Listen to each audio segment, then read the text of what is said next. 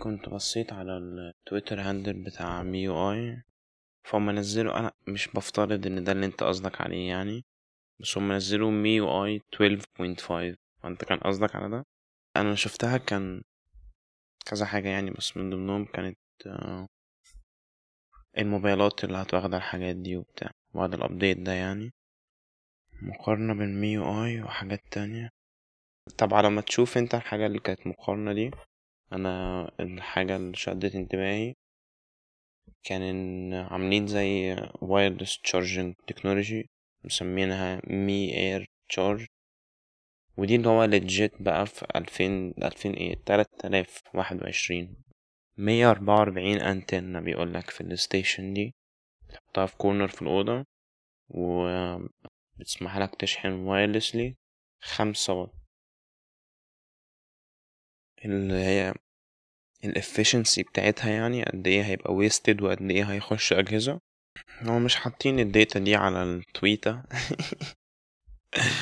افتكر هتحتاج بقى ت dig deep في ال technical material بتاعتهم لو بيشيروا الحاجات دي اونلاين آه بس لو انت قاعد قريب أو بعيد عنها هما كاتبين within a few meters بيوفروا خمسة وات remote charging. أفتكر الحاجة التانية significant برضو اللي قايلين عليها في الفيديو ده اللي هو multiple devices simultaneous في نفس الوقت. ف الاتنين دول up to كام جهاز حتى مش قايلين. لو بتشحن أبطأ أو أسرع على حسب المسافة اللي أنت في قريب منها أو بعيد من ال station دي برضو مش موضحين. برضو شفت زي news article أو ممكن فيديو من على لو ليتر أو حاجة. كان بيتكلم بيقول إن ال software اللي هواوي كانت بت develop ه اللي اسمه هارموني ده. طبعا وقتها كان في بقى كلام إن هو هل فعلا هواوي قادرة ت develop software واللي هو مايكروسوفت حاولت بلاك بيري حاولت آه ومش بنسمع عنهم ب software specific ليهم يعني. فهل هواوي قادرة تعمل تعدي ال task الصعب جدا ده اللي هو seemingly مستحيل يعني بعد iOS و Android ما بقوا موجودين؟ LOL سمعت الصوت ده؟ فآه كنت بقول لك كان في ناس بتشكك هل هواوي كشركة عندها القدرة إن هي ت develop software بدل Android أو layer زيادة فوق Android أو ايا كان وكان الحجة اللي الناس بتستخدمها إن شركة زي مايكروسوفت ما, ما قدرتش تترجم Windows على الموبايل حاجة زي كده فشلت خلاص. وبرضه بلاك بيري الاتمس بتاعتها وكان في شركات تانية حاولت تقدم زي alternatives وبدايل عن iOS و Android ودلوقتي مفيش حد عايش غير iOS و Android. فالسؤال كان هو هل هواوي عندها القدرة إن هي تعمل الحوار ده ولا فالحاجة اللي أنا شفتها وال content اللي شفته عن ال software بتاع هواوي ده مؤخرا كان إن هو كده كده إحنا عارفين Android ده زي حاجة open platform مش مقفولة زي iOS بس ال apps أو ال services بتاعت جوجل دي اللي أنت لازم تاخد بقى الرضا. لازم تنول, تنول الرضا علشان تقدر تستعملها. لازم سندر بتشي أشر. والرضا متشال. من عند هواوي يعني.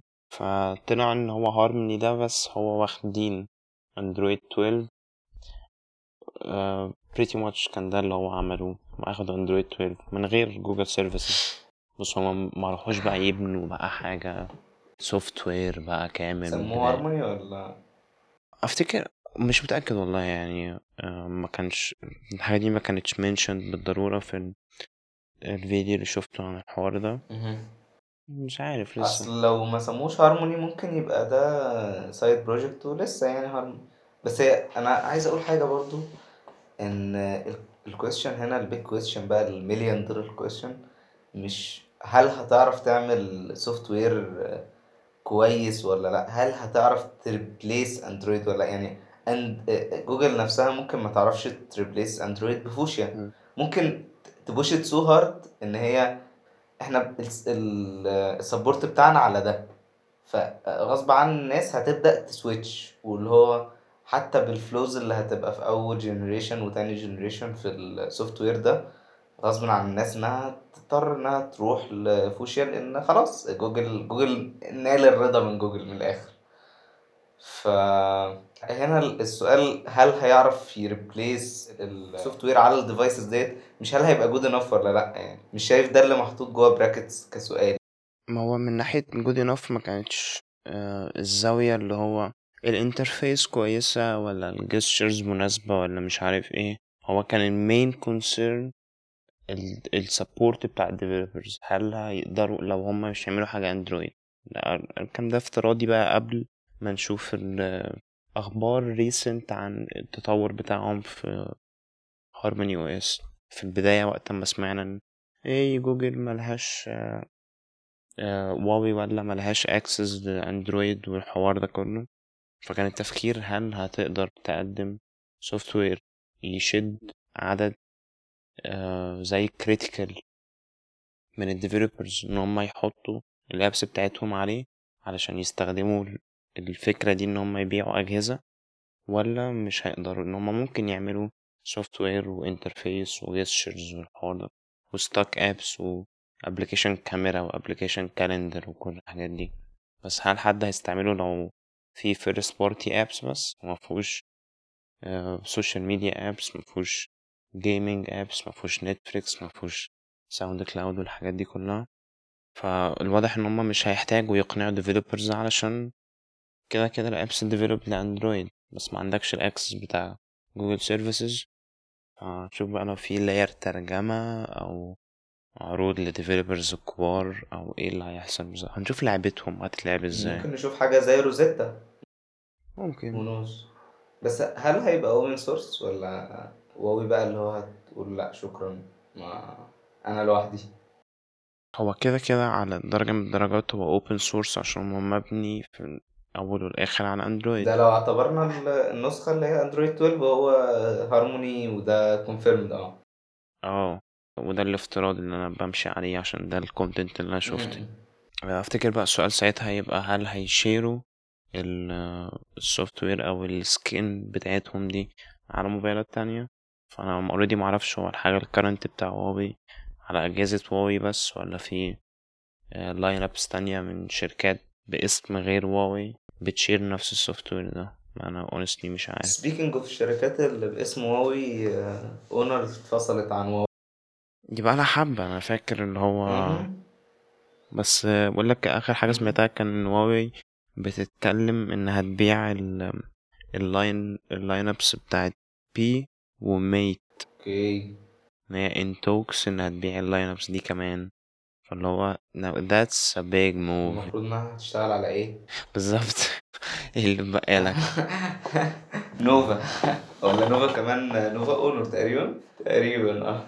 لا أنا الأسماء الكتيرة دي بتلخبطني الحقيقة حاسس إن أنا بقيت عجوز. كتيرة آه، فعلا. مش أكتر مش أكتر من أسامي شاومي يعني لو هتتكلم على أسامي أوف دود آه، أسامي كتير. بوكو آه، مي مي نوت كتير لا كتير أنا في حاجة في حاجة حصلت. هو بوكو إف 1 ده اللي هو جاومي آه، برضو؟ بوكو إف 1 شاومي آه. ده اللاين اب اللي هو الفلاج شيب كيلر امم فأنا حاولت بقى هم إيه؟ كلهم فلاج شيب كيلرز ده فلاج شيب كيلر كيلر يعني ده سيريال كيلر فأنا حاولت في ال show notes بتاعت الحلقة اللي فاتت حاولت أجيب ال link بتاع الموبايل اللي هو بوكو إف 1 ده عشان اتكلمنا عليه. ليه mentioned الموبايل ده. معرفتش أجيبه. معرفتش أجيب موبايل. كان flagship. ش- عادي شركة موبايلات وبتاع. ما قدرتش أجيب معرفش مخبيين. صفحة الموبايل ده أونلاين. مش لاقي لها مش لاقي الموبايل entry على ال website بتاع الشركة. فجبت ال entry بتاع الموبايل من ويكيبيديا. بس اللي هو بجد مش لاقي بجد يعني بجد. مش, مش عارف أجيب اللي هو ال website بتاع في مش كده خالص؟ حوار صعب. شاومي آه، شفت ال tweet انت بتتريق على ال apps ال- اللي موجودة system apps ال- اللي في One UI وفي اندرويد خام كمان. انهم عندهم أقل عدد uninstallable apps أو هنا بيفرزوا الموضوع ب uninstallable apps و system apps الفرق مش مفهوم أوي. بس الفكرة ان هما بي claim وا ان هو MIUI 12.5 هيبقى أخف وأحسن. ومن الحاجات اللذيذة اللي عجبتني أنا معرفش هما pioneers في الموضوع ده ولا حد غيرهم عملها إن هما عاملين thread شغالة وظيفتها الوحيدة إنها تتعامل مع ال gestures عشان تبقى ال gestures instant ما تبقاش في lag أو أي حاجة. لو ال lap لو الموبايل مشغول ال cores وال threads مشغولة بحاجات تانية تبقى في thread كاملة جاهزة. تعمل processing لل gesture بتاعك على طول. فمش عارف دي أظن حاجة كويسة يعني. ما استخدمتش قبل كده MIUI كتير بس اللي أعرفه مشاكل فيه الإعلانات اللي جوه ال apps آه، جوه ال settings جوه ال notification center جوه كل حاجة. و lately حصلت حاجة غريبة إن أنا على موبايلي S 9 لقيت notification في الأول كنت يعني ممكن مثلا جات لي ال notification دي قبل كده كذا مرة بس في الأول كنت باخدها اللي هي okay لأ دي notification طبيعية. بس آه، خدت بالي من حد بعد ما جات لي ال notification ديت آه، خدت بالي من حد على تويتر كاتب آه، إن جات له ال notification ديت واللي هو what the fuck is going on سامسونج فاللي هو قعدت ركزت في في ال notification اللي هو أنا مش فاهم إيه المشكلة. بس ال notification كانت إعلان عن خصم 15% على موبايلات M من سامسونج. فأنت you can argue إن هي ديت آه، إعلان إعلان للشركة نفسها. ممكن تقول إن هو مش إعلان إن هو الشركة بتقول لك كمان تعالى upgrade بس آه، لو فكرت فيها كويس هتلاقي لأ هي إعلان صريح وصريح لأن هو كان ممكن يدفع فلوس عشان يظهر؟ الإعلان ده. فهو ما دفعش حاجة و... وطلعه على موبايلك. هو في argument على طول اللي هو لو أنا كشركة عملت منتج وببيع الموبايل وب develop ال software فأنا عندي الحق إن أنا ب promote الحوار ده. بس بعد أنا موافق إن أنت عندك زي كشركة أم، مش حق بالضرورة بس إن هو مش ممكن تقعد تعمل ده بس ب limit فاهم؟ إن هو بعد لو عديت ال limit ده ال unspoken limit ده بس هو موجود somewhere. لو عديته فانت بتبقى rude بقى فانت بت- بتستقبل بتحس إن انت بقى رخيص. فس... فأنا اللي هو زي بدي tolerance للشركة إنها أيوة. تـ promote طول ما هي ما بتعديش ال- ال limit اللي هو ال- بال sense ده أكتر. لو عديته بحس ال experience إن هي رخيصة بقى اللي هو كمان متعملش كده يا اسطى. بس أنا عايز أقول حاجة برضو إن. الإعلانات ديت بت... حبيبي. مش عارف مش عارف كنت هتكلم فين لو مش هتكلم هنا. outlet أوت مهم آه. خالص. الإعلانات ديت زي ما قلت لك هي ممكن تكون في مكان تاني يدفع فيها فلوس. فهو الفلوس اللي هيدفعها ديت قيمة الفلوس ديت let's say إنها لو اتقسمت على عدد الموبايلات اللي اتباعت مثلا واحد دولار. م. فأنا المشتري ما تعرضش الإعلان أو أعرض الإعلان واخصم لي من الموبايل سعر الواحد دولار. وده يعني figuratively speaking مش مش مش عامل أيوة. دراسات يعني. بس آه، هو single إعلان يعني. هو مش مش مش إعلانات عشان بس يعني محدش يفتكر إن أنا بتكلم إن سامسونج بت push إعلانات في ال music app زي زي شاومي. لا الموضوع مش كده خالص. الموضوع إن هو إعلان بيجي لك في ال notification center بيقول لك لو عايز تشتري سامسونج M series عليها خصم 15% بمناسبة الفالنتاين بس هو ده كل الموضوع يعني. بس فيعني كان موضوع كان موضوع لذيذ يعني إن إحنا إن أنت تلاقي شركة تانية بتعمل نفس نفس الموضوع. في بما بنتكلم على softwares وكده في حاجة تانية كنت برضو خدت بالي منها على على تويتر ال UI لو آه، الشركة بتبقى عندها زي آه، كذا handle ليها الشركة نفسها والشركة في regions مختلفة م- م. وال UI بتاعها. ماشي. لو تيجي لل UI بتاع الناس الكبار الناس الكبار آه، ابل ليهم تقريبا آه ليهم اي أو اس اي أو اس هاندل أظن.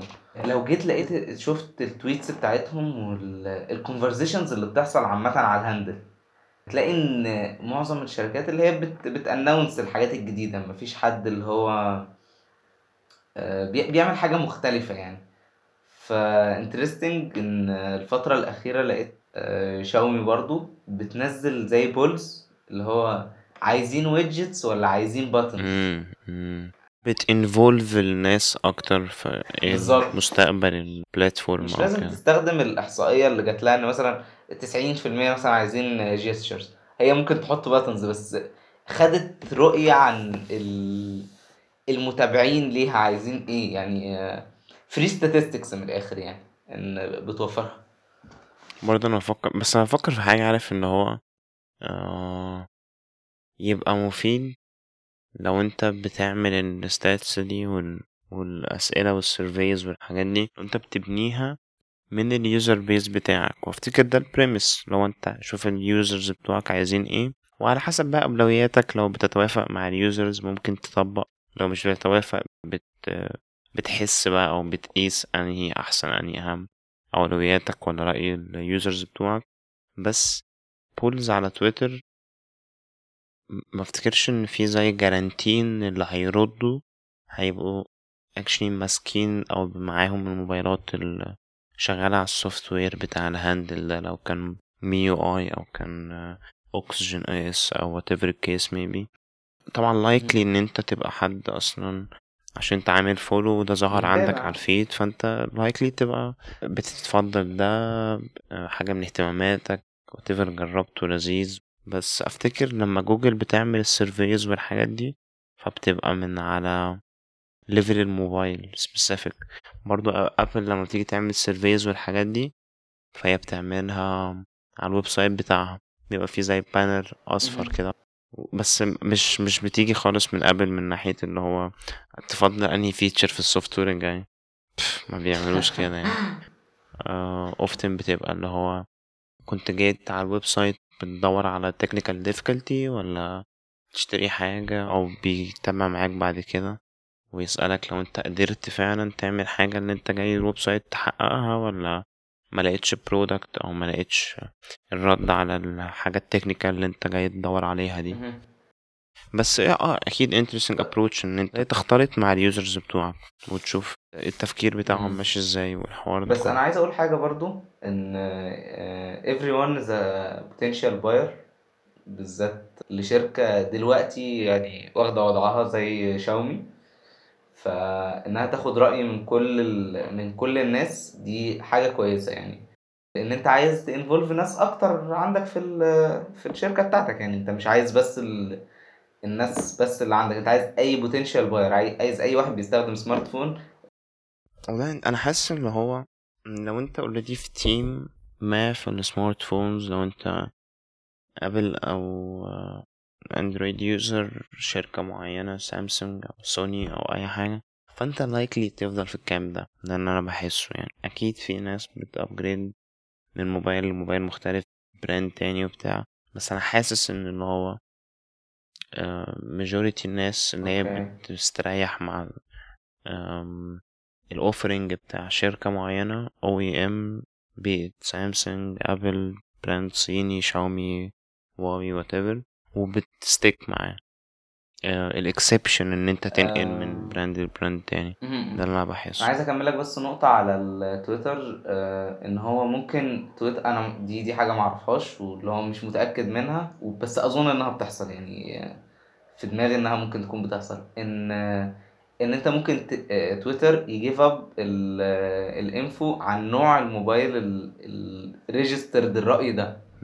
وممكن تتعمل منه statistic أكبر تعمل منه spreadsheet أكبر اللي هو كام واحد مثلا بيستخدم موبايل two generations old عايز يجرب ال gestures كام واحد بيستخدم مثلا موبايل 1 generation old اللي هو كان فيه gestures عايز buttons ممكن تبني base أكبر من ال statistics وده يعني ما أظنش اللي بيحصل لأن هو complicated قوي وشاومي مش مش عايز underestimate شاومي بس هي شركة مش مش اللي بتهتم بالتفاصيل الصغيرة قوي دي.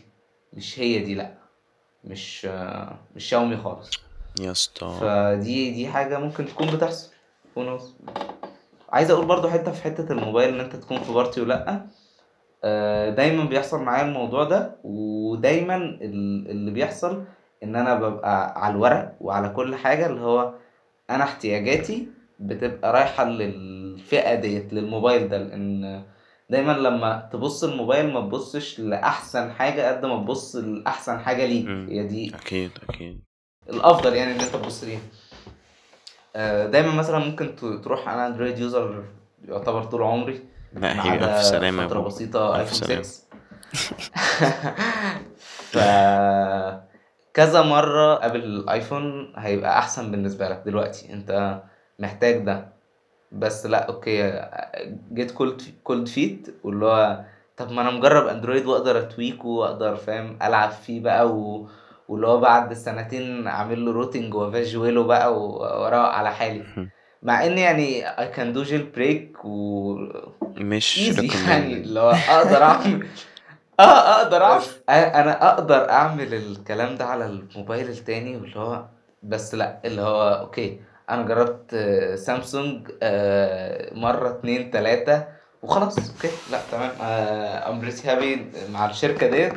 وحتى لو عكست الموضوع يعني أنا مع سامسونج ما عنديش النقطة ديت إن أنا آه، مش هدفع آه، فلوس زيادة عشان أنا جات ال cold feet آه، لكن واحد مثلا آه، ايفون زمان زمان let's say زمان السنة اللي فاتت أو السنة اللي قبل اللي فاتت ممكن يدفع فلوس زيادة لمجرد في specs أقل على الورق وفي الاستخدام مش هتديله أحسن حاجة هو عايزها وهيدفع فلوس زيادة مع إن في موبايل مثلا أرخص 200 دولار هيديله نفس احتياجاته في أندرويد.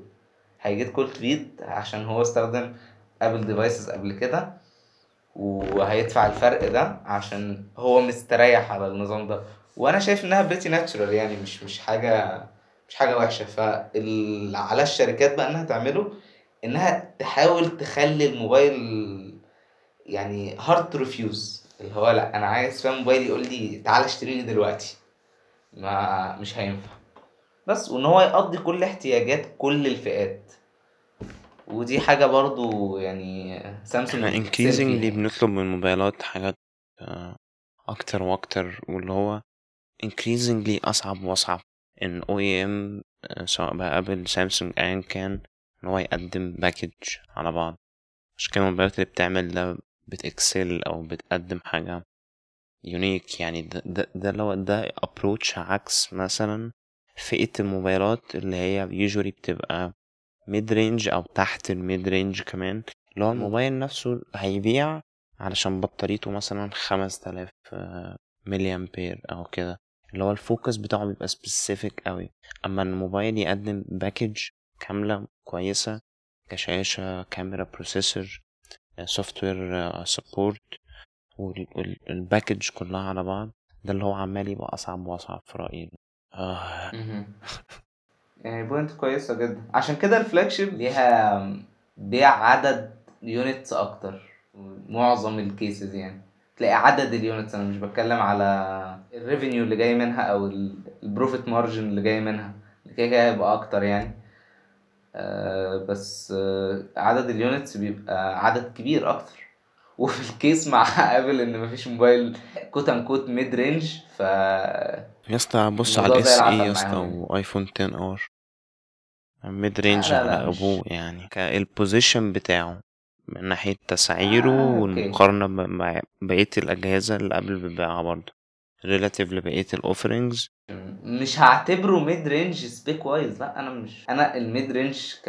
بالنسبة لي لو هحط موبايل mid range مش هحطه غير لما يكون ال processor بتاعه آه، بيكح.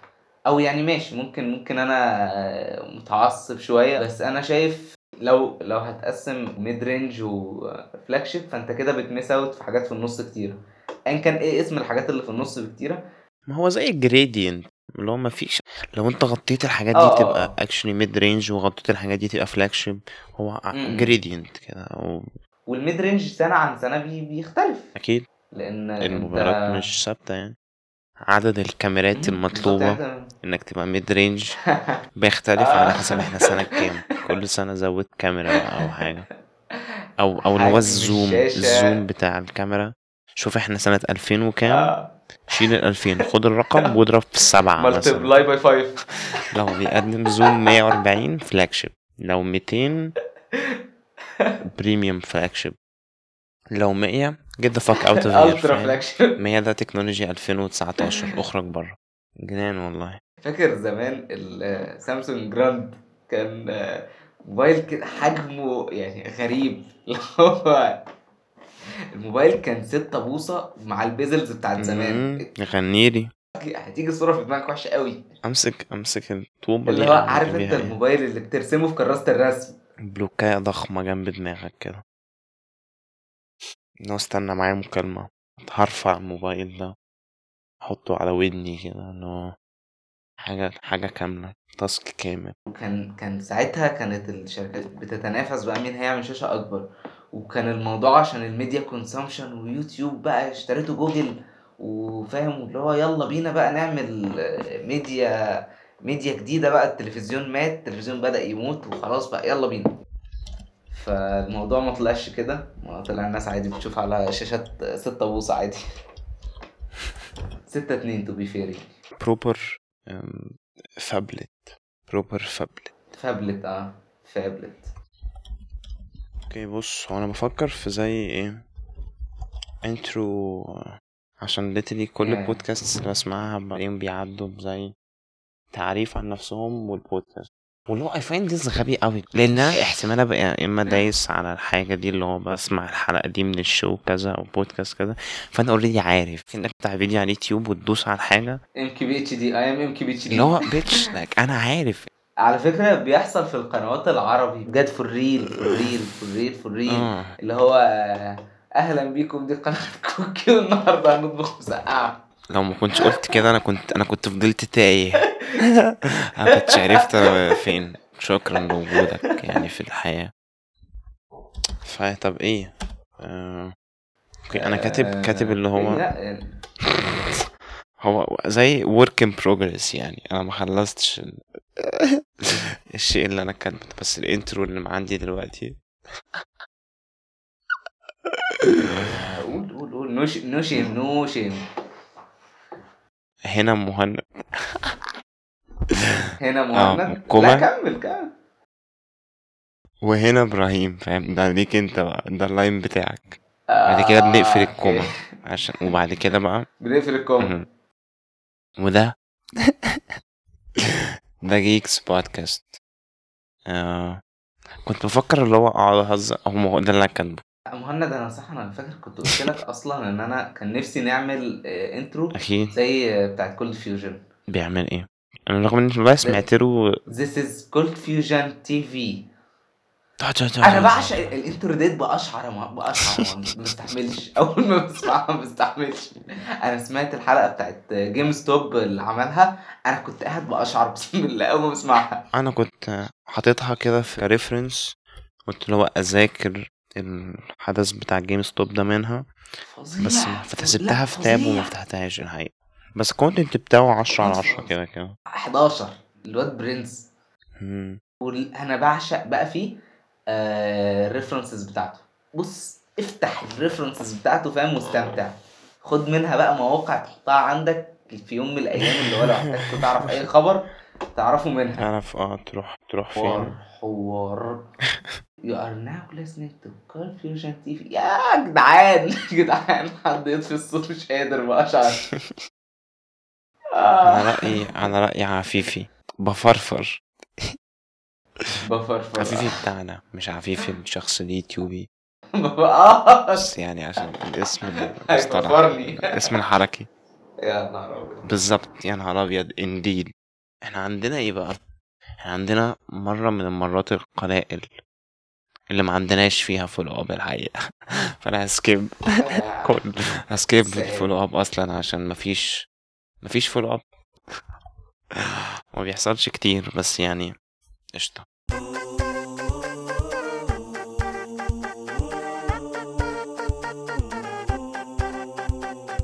أنا كنت كاتب آه، اللي هو زي شوية commentary كده على ال situation بتاع GameStop أو GameStock أو stonks كل ال memes والحاجات دي كلها بس أنا مش حاسس إن عايز أتكلم في الحوار ده. عندك عندك زي points تقعد تهري فيها وأنا أخش أقطعك في النص؟ أنا ما عنديش ما عنديش فاهم اللي هو valid point أقدر أقول GameStop كذا GameStop كذا بس يعني اللي أقدر أقوله إلا حسبي الله ونعم الوكيل. تستخدموا استخدموا Reddit يا جماعة. أنا أصلا عاجبني إن هو في واحد ملياردير مرة طلع على CNN ولا أي حاجة والراجل متشحتت بقى فأنا آه توقفوا الناس ما يعملوش كده. أنا آه. واللي هو ملياردير أصلا اللي هو bitch انت مالكش إنك تتكلم أصلا. خالص. تسكت وتنام في المرسيدس. طب ماشي ال- ال point اللي كنت كاتبها عشان تبقى بالمرة قلتها يعني. ففي الحوار بتاع GameStop وكده كان في شركات تانية سعر السهم بتاعها ضرب برضه في السما وعالي قوي لفترة مؤقتة يعني. AMC كان من ضمن الشركات دي BlackBerry اللي هو already BlackBerry مش آه. ميتة بالضرورة بس يعني ما هي BlackBerry آه التكنولوجيا قديمة وحاجات وكانت فالحاجة ال interesting بقى كان إن لما ال stocks بتاعت brand BlackBerry عالي عشان الناس بتشتريها. و Reddit والكلام والحاجات ال executives أصلا اللي ماسكين نسبة من آه، الأسهم بتاعت BlackBerry شافوا إن ده وقت مناسب إن هم يبيعوا الأسهم بتاعتهم جامد اللي على ال board بتاع BlackBerry أو ranked في الشركة نفسها عالي وكده. شافوا ان دي فرصة مش هتتعوض اللي هو أنا هاكل الكيكة وهي سخنة. فكان ده اللي هو حاجة لطيفة حصلت يعني. شكرا جدا يا اللي هو أنا كان نفسي أخرج ومعرفتش أخرج لحد اما الفرصة جت قدامي. حد يجي يقعد مكاني في الشركة الزبالة دي. اللي هو محدش ياخد ميدو ابني ويديني مكانه. حتى بقول لك حتى ما حتى جيمس يعني حتى الشركة نفسها ما بيقفش جنبها ال executives بتوعها. آه. ما حدش مصدق فيك يا يا BlackBerry لا كانت لذيذة كانت شركة لذيذة كانت شركة لذيذة الوقت ما آه بالظبط. اللي هو الزمن سبقها السوق سبقها. أنا أكتر حاجة في GameStop كانت interesting بالنسبة لي واللي هو كنت مبهور ال interview اللي عمله إيلون ماسك مع ال- ال owner بتاع روبن هود. أنا قريت كلام أونلاين اللي هو أنا عليه. حسيت إن أنا في المستقبل. سمعت إن عمل كده زي حركة معاه وهو بيتكلموا في ال interview. قال له لو أنت. لو أنت hostage واللي هو ممسوك hostage وكده اللي هو هز دماغك أو معرفش بربش بعينيك عدد مرات عشان نعرف إن اللي هو الحكومة مش ماسكاك hostage والحوار ده. إيلان بإيلان. آه فظيع. آه، ايلون ايلون قال له في ال interview قعد قال له كذا مرة آه، الكلام ده لمصلحة مين؟ لمصلحة مين؟ لو multiple times لما رد عليه قال له إن هو قفل ال... يعني لو حد مش عارف إن هو قفل ال ال buying button على GameStop مم. و36 شركة تانية وبعد كده 36 شركة قالوا لتمانية. كان منهم AMC و BlackBerry و... و GameStop طبعا هي اللي عليها كل المجال طيب. الكبير. وده بسبب هي ال stocks بتاعتها سعرها عالي جامد آه، في فترة بسيطة بسبب آه، مش عايز أقول مؤامرة بس يعني حاجة شبه كده من آه، ناس على Reddit بت... ناس بتستخدم Reddit يعني في subreddit اسمها WallStreetBets إن هم كانوا عايزين يخلوا ناس. بتدفع فلوس عشان تقول إن GameStop سعرها هينزل فهم يشتروا ال stocks فشعر... فسعرها يعلى فالناس التانية دي تخسر. يعني ده ده اللي بيحصل تقريبا يعني. مش الشرح الدقيق. للموضوع بس ده overall اللي بيحصل تقريبا. simplified هحاول أشوف اللي هو الفيديو بتاع اسمه إيه اللي لسه قايلين عليه دلوقتي ده؟ آه ColdFusion هحط ال- الشرح بتاعه للفيديو في ال description الموضوع اللي حصل بعد كده إن التداول ده كان أكتر حاجة بتحصل على برنامج اسمه روبن هود. برنامج روبن هود ما بياخدش فلوس من على التداول اللي بيحصل. بياخد statistics بياخد دعاء. زي شيء. انت بتدعي له. آه وبياخد سف من إيلون ماسك. ده اللي بناخده منه. ولا وصواريخ. آه، بتست... وصواريخ. أوكي. يا أكيد. Anyway آه ناس بت... بتستثمر في البورصة وده ك... ده ده شغلها الأساسي في Wall Street زي مستثمرين في البرنامج ده بحيث إن هم ياخدوا منه data ال data بتاعت الناس ديت تساعدهم في ال... الشراء والبيع وكده عشان يعرفوا إيه السهم اللي طالع والكلام ده. وطبعا ال statistics دي مش ببلاش بيدفع فلوس لل developers عشان كده يعني الدنيا الدنيا ماشية. مسهل على الناس عملية انها تشتري. طبعا بياخد data عظيمة. فاللي حصل إن معظم الناس لما جت تشتري أسهل حاجة موجودة إيه؟ روبن هود فيلا بينا نشتري على روبن هود واللي بيشتري share واللي بيشتري اتنين عدد ال... الشراء مش مش ب quantity كبيرة لكل واحد يعني مش يعني مثلا لو قلنا إن مليون سهم بتوع جيم ستوب آه تم شرائهم في يومين. مش الطبيعي إن مثلا إن قول مثلا عشر مستثمرين هم اللي هيشتروا العدد ده. ده من ال data بتاعت البرنامج إن إحنا ال data بتاعت البرنامج بتقول إن تقريبا العدد ده الطبيعي إن عدد مستثمرين كتير يشتروه.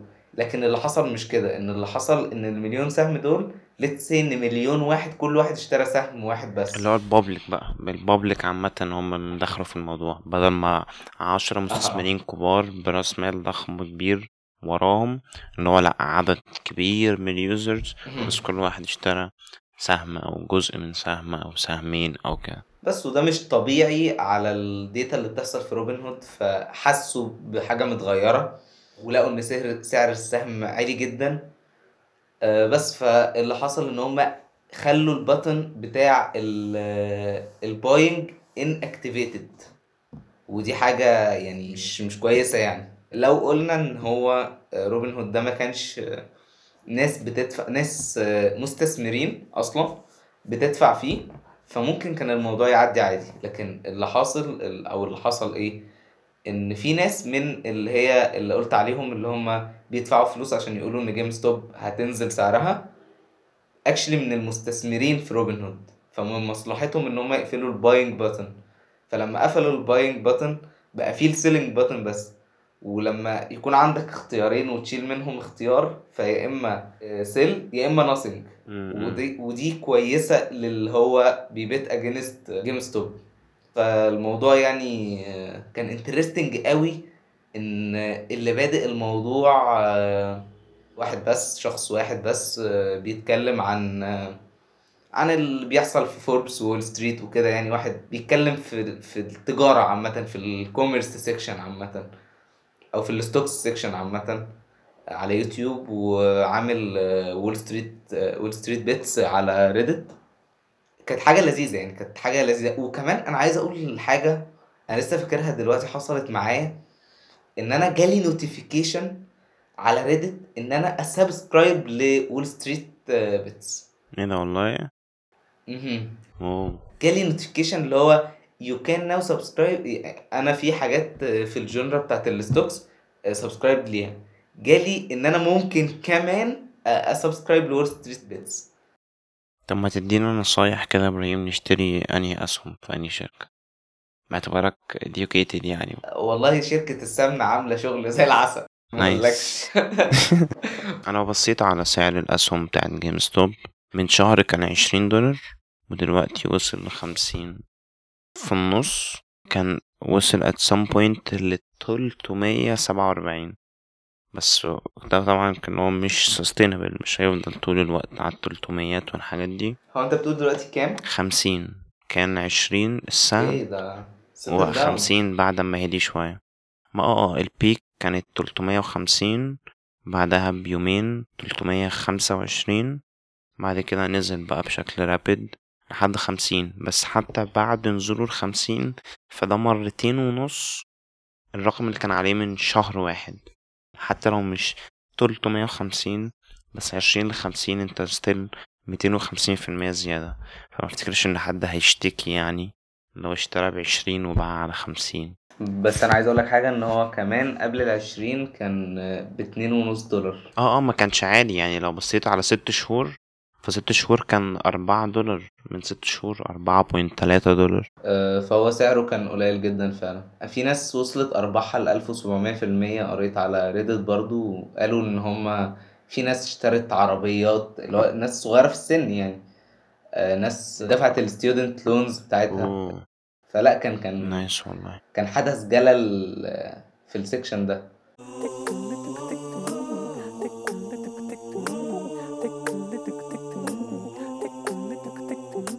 طب ما تقولي كده إيه اللي حصل مع line up ال S 21 yeah yeah. في موبايلات نزلت؟ إيه اللي ياه. نزل؟ إيه اللي حصل؟ في في. في حاجة؟ في موبايلات كتيرة نزلت. oh مم. أنا تقريبا كل كل سنة بشوف اللي هو content أقل. يعني الفكرة اللي عندي دلوقتي إن هما ال line up بتاع S 21 هو ال default Android choice للموبايلات.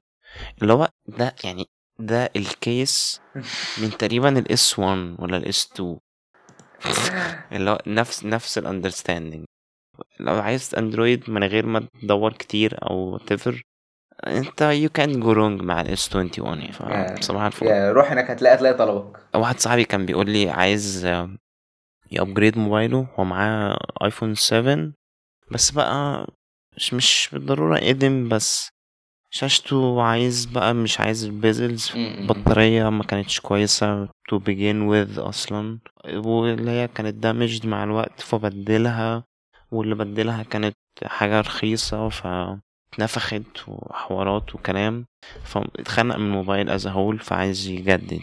بس بيقول لي ال 12 مش مش عاجبينه مش شادينه كموبايلات ك offering أو ال package أو الحوار ده كله. فعمال بقى يقول لي اللي هو طب إيه رأيك في ال S 20 مش عارف إيه وكده. فقلت له الرد ده قلت له هو أنا مشوفتش content كتير عليهم بس فاهم إن هما الموبايلات ال ال default اللي هو يو كانت جو رونج مع ال S 21 line up وبتاع. الا لو أنت بقى very specific case أو user فقلت له اللي هو شوف أنت إيه التفضيل بتاعك لحجم الشاشة واختار على أساسه. تحكمش على أنهي موديل أو أنهي موبايل based بقى على specifications الكاميرا ولا البطارية قد إيه ولا فاهم؟ الحاجات دي كلها. قلت له اللي هو شوف أنت عايز موبايل حجمه في إيديك كبير صغير في النص وعلى الأساس ده خلي ده ال criteria بتاعتك اللي تستخدمها علشان تاخد موبايل من الموبايلات دي. وصاحبنا ده دخل الجيش فادعوا له بالرحمة يا جدعان. أنا اللي عايز أقوله بس إن بص ال S flagships عامة من أحسن الحاجات فيها إن هي الفرق بين إن الرقم وال Plus بتاعه سيبك من ال Ultra ارمي ال Ultra على جنب دلوقتي. آه بيبقى decent بيبقى فرق كويس بيبقى فرق اللي هو بيديك variety of options. أكتر ما هو بيديك فرق سعر. وحاجات جوه. يعني إيه قصدي؟ إن أنت مثلا الفرق بتاع الشاشة الفرق بتاع البطارية مفيش فروق في الكاميرا. ال- الفروق السو- الفرقين دول الفرقين دول أنا بحبهم أكتر من الفرق الفرق بتاع ال- ال Pro لسبب بسيط بس إن أنا عايز ال flagship بتاعي يبقى بأحسن specs موجودة. أنا قلت لك سيب ال Ultra اللي موجود معانا سيب ال Ultra دلوقتي. أنا عايز ال flagship اللي معايا يكون بأحسن specs موجوده بما إني بما إني راجل رايح أشتري flagship لأن أنا دلوقتي كإبراهيم لما حد بيكلمني اللي هو السبب الوحيد اللي يخليك تشتري flagship. إن أنت عايز تشتري flagship for the sake of flagship ownership مش إن أنت آه عايز آه specs معينة فمش لاقيها غير في ال flagship حلو. دي مش ال case في أي حاجة إلا لو أنت احتياجاتك هي نفس اللي في المؤتمر. ودي أظن هتبقى rare قوي اللي هو يعني اللي هو لو أنا نفسي في موبايل يشيلوا الشاحن من العلبة. الله أنا راح أجيبه. لو دي الكيس. فلا يعني ما قشطة قشطة روح. الحقني قبل ما أجيبه. بس لو الكيس إن أنت عايز تدفع فلوس ودي اللي أنا بفضلها إن أنت عايز تدفع فلوس تاخد قصادها آه، موبايل. نفس يعني اللي هو أنا عايز مثلا أدفع 500 دولار أدفع 500 دولار أخد قصادهم ب 500 دولار حاجات. لو ده اللي أنت عايزه مش هتلاقيه في ال flagships. تمام؟ بس في مشكلة بقى في سامسونج. اللي تقدر تروح له بقلب جامد. كواحد مثلا آه، مش عايز أقول لك tech geek tech enthusiast على الأقل إن أنت مثلا بتحب تلعب بالحاجات اللي معاك دي. اللي تروح له بقلبك واللي هو تزق فيه جامد ال flagships ودي ميزة السنة دي في التسعيرة إن ال flagship رخص عن السنة اللي فاتت. ال S 21 السنة دي ب 800 دولار. ك baseline 128 جيجا بايت. ال S 20 Plus آه 1000 دولار. فرق 200 دولار بين كل device و device السنة اللي فاتت ال starting price كان تقريبا ألف دولار على ما أتذكر. الموضوع ما كانش لذيذ إن أنت ت start ال line up بتاعك بألف دولار فاللي هو مش حاجة مش حاجة كويسة. آه، وبرضه في في حاجة في سامسونج إن أنت دايما الأسعار مش بت hold فترة طويلة. أنت بعد فترة الأسعار بتقل. وب search بسيط كده على أمازون دلوقتي هتلاقي إن سعر ال S 21 اللي هو 5G اللي هو ال 128 جيجا بايت اللي هو كل الكلام ده كل الكلام الحلو ده 700 دولار. ولو هتشتريه من على الموقع بتاعهم هتشتريه ب 800 دولار وتاخد ب 100 100 دولار خصم على الاكسسوارز اللي عندهم. فالسعر بقى بقى كويس. السعر 700 دولار اللي هو قرب من ال- الرقم اللي أنا بحبه اللي هو 500 دولار للموبايل. اللي هو كل ما ت upgrade تدفع 500 دولار. أه لو انت عندك ال ability ان انت تبيع موبايلك القديم وتشتري موبايل جديد وتدفع 500 دولار دول يعني ability كويسة جدا. بس أهم حاجة في الموبايل اللي هتشتريه عامة لو انت بتفكر عامة في ال S 21 إن انت تعرف احتياجاتك بين بطارية وشاشة أو الاتنين أو واحدة ايا كانت ال case بتاعتك وتختار على أساسها الموبايل. S 21 Ultra gimmick بطريقة مش طبيعي مش طبيعية اللي هو مش مش حاجة يعني أفضلها لأي حد. يعني إحنا ممكن نبص على التسعيرة والحاجات دي. ال line up بتاع ال S 21 بال iPhones بتاعت السنة دي عيلة ال 12 بس شيل من ال 12 الميني بتاعهم علشان شاشته extremely صغيرة مقارنة بالموبايلات التانية دي. وسعرهم أرخص بقى. يعني اللي هو لو أنت بتقارن ال S 21 بالآيفون 12 أنا لسه دلوقتي مستوعب إن اللي هو 21 لو عكستها تبقى 12 بس مش مهم. آه، لو أنت قارنت ال S21 بالآيفون 12 فال S21 أرخص من ال 12 ده 800 وده 830 ك starting price بس لو ثبتنا نفس ال storage هتلاقي إن ال S21 بيبقى value أكتر. اللي هو كمان هتزود 50 دولار عن ال 830 والموبايل ده ب 800 بس. بس generally يعني زي ال value بتاعت سامسونج من ال S21 line up موجودة أو أكتر. مقارنة مش بس مع سامسونج من سنين فاتت بس كمان مع أبل السنة دي. ودي ما كانتش ال case السنة اللي فاتت. السنة اللي فاتت أسعار سامسونج كانت غريبة الحقيقة. كانت غالية جدا آه. بس خطوة كويسة بقى عملوها السنة دي إن هما زي حسنوا ال course بتاعهم ومشوا بطريق أحسن من تسعير الموبايلات وكده. امم أكيد. طب اس أو سيز إحنا عارفين إن هما ال market تقريبا بتاع أمريكا الشمالية أنا عايز أقول ممكن الصين برضو الاتنين دول بياخدوا سناب دراجون. وبقية العالم Exynos أو حاجة كده ولا أنا ملخبط؟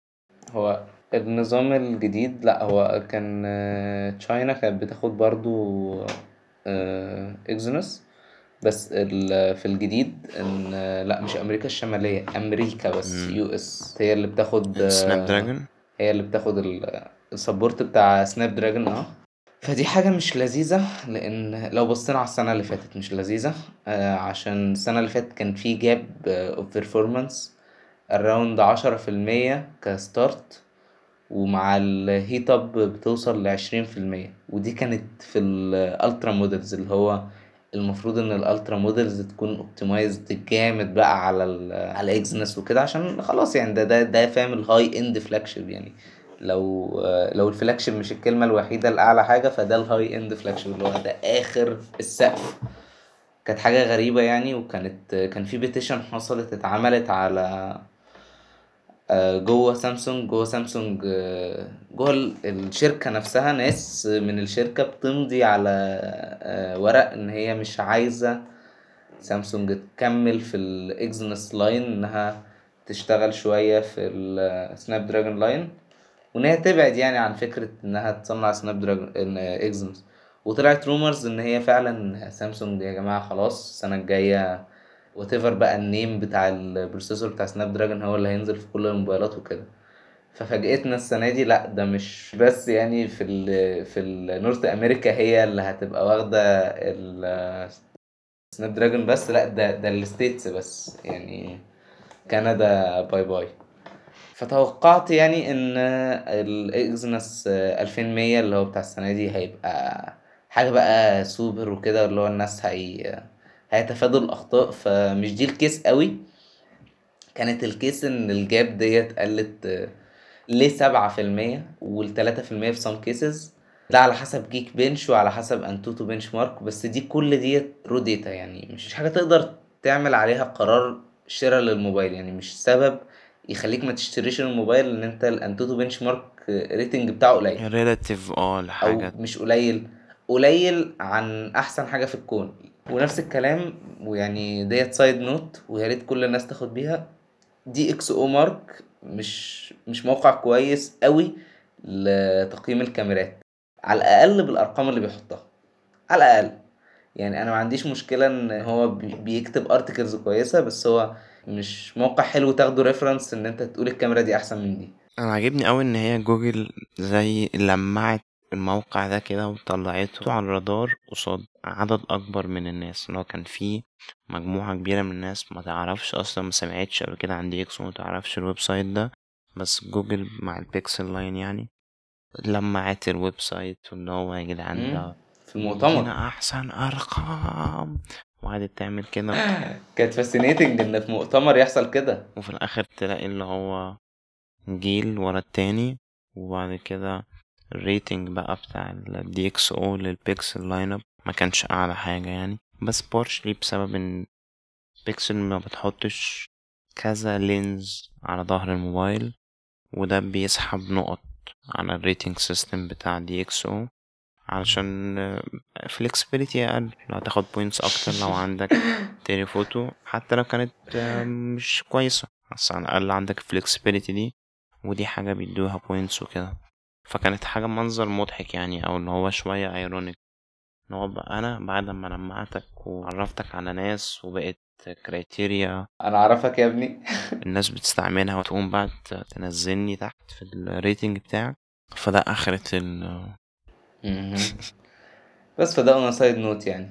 فكان ال interesting إن دايما لما بنيجي نتكلم على أو تسمع مثلا حد زي Gary Explains على يوتيوب من أفضل الناس اللي بتتكلم على الأس أو سيز عامة. وفيديو المقارنة بتاعه definitely في ال description تحت في ال show notes مية في المية بتاع جاري ده موجود عشان فعلا عظيم. أظن إن هو ك... هو آه لا هو قال قبل كده إن هو كان involved في إن هو كان شغال في شركة بت... آه، زي بتصنع أس أو سيز وكده. فهو الراجل راجل تقيل يعني. فالمهم هو لما بيتكلم دايما بيتكلم على ال AI aspect وبيفضل إن هو يتكلم فيه حبة يعني. دي حاجة مش quantitative يعني مش ما تتقاسش بأرقام هي حاجة qualitative على حسب استخدامك على حسب طريقتك كده. دايما الناس بتفضل ال AI system بتاع Exynos على موبايلات سامسونج. وديت يعني لو فكرت فيها بمنطق شوية هتلاقي إن طبيعي قشطة. اي أو اس على اي 13 لو جربنا اي أو اس ودي ودي حاجة بتحصل يعني مش مش مش خيالات في دماغي. على Snapdragon chip إن مش نفس الأداء هيحصل. وممكن تكون ال Snapdragon chip ديت competitive يعني. إيه الفجر اللي أنت فيه ده يا ابني؟ آه ده دي بتحصل دي أنا آخر حاجة شفتها غريبة برضو tangent سريع كده كان حد مشغل Spotify على iPod Classic بس ف رغم إن ال chip أضعف بس هي ال stressing point اللي موجودة ال overheating بتاع ال chip دي مشكلة قوية جدا. فرق حوالي 20 درجة سيليزيوس في ال... في نفس ال tasks في نفس ال st... في ال starting point في فيديو على يوتيوب Mrwhosetheboss كان ال starting point اللي بيقيس منها درجة الحرارة كانت فرق 20 درجة بين الموبايلين ومع إنه حط الموبايلين في التلاجة. الموضوع كان هبلش في يوم مرة Dave2D حط MacBook Pro في فريزر كان عايز يعمل point على حاجة. عالم غريب اللي إحنا عايشين فيه ده. آه جدا جدا.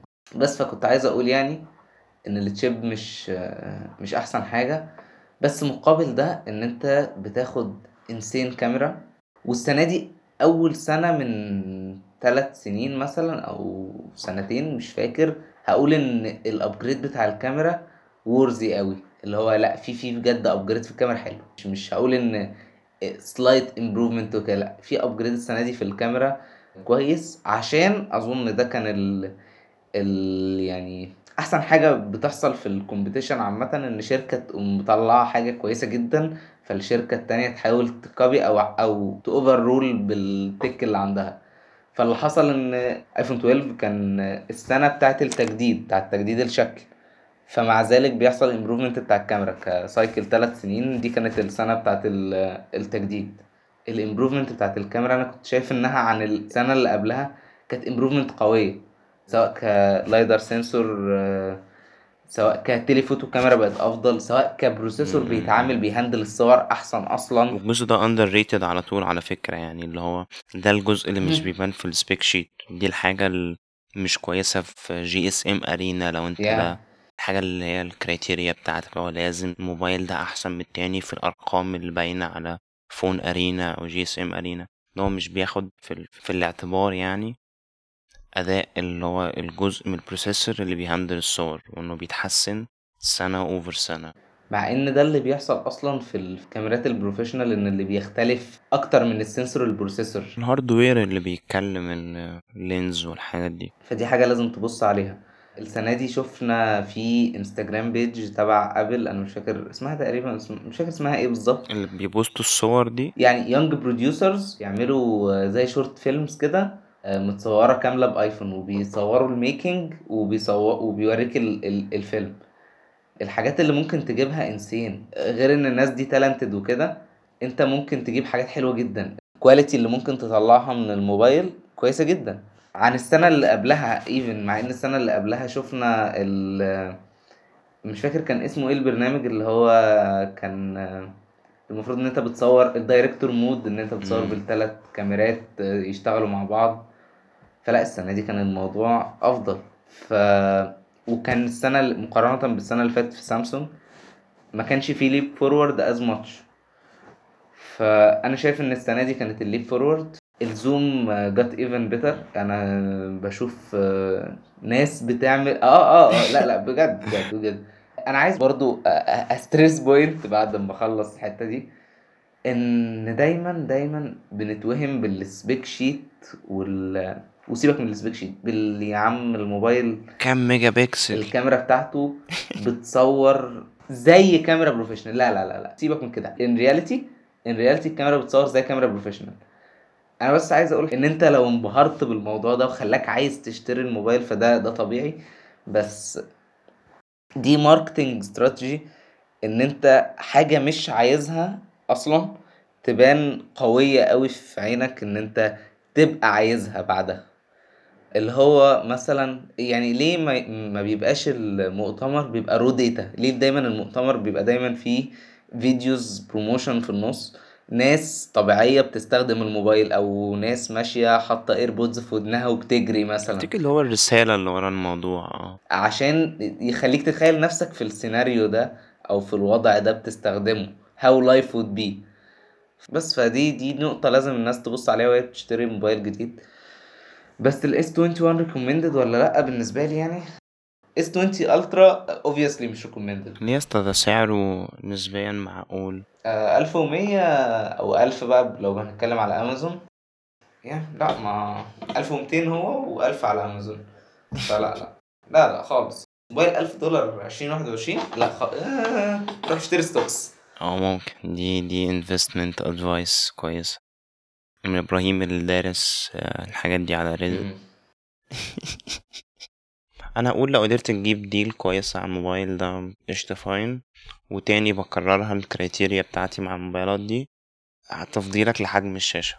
ما تاخدش في الاعتبار بقى أي اختلافات على ال spec sheet هو أنت هتاخد largely نفس الموبايل؟ لدرجة ضخمة يعني هم نفس الموبايل. أكيد هتلاقي فيه specs مختلفة material ده مختلفة شوية بس يعني للأمانة أنا شايف اللي هو default Android phone وشوف تفضيلك لأني حجم شاشة. و you can't go wrong مع ال S21. Oh نايس أوكي دود. بص بقى. يا أنا حتى ال- ال topic الجاي ده كنت عايز أقدم واحد زيه من تلات شهور. وهيبان ليه التلات شهور دول. بس حصل حاجات وكسلت ولقيت إن ده مش حاجة الناس بالضرورة بتتكلم عليها كتير ففكستله بس الحلقة دي هنغطي الموضوع ده.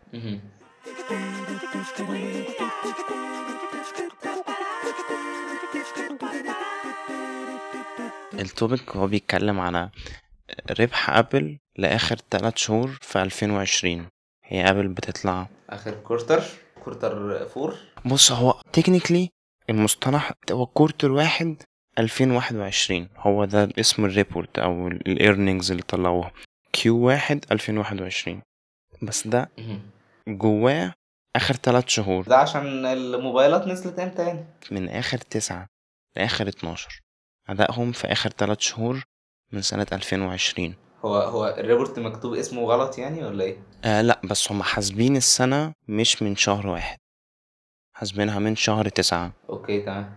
أفتكر آه. عشان ال release يعني. حاسبين لك ليها ليها حسبة كده. بس يعني هو اسمه Q واحد عشرين واحد وعشرين ل quarter واحد يعني. بس الشهور اللي جوه الحوار ده من آخر تسعة لآخر اتناشر. في مصطلحات هقولها هستخدمها في الحوار ده.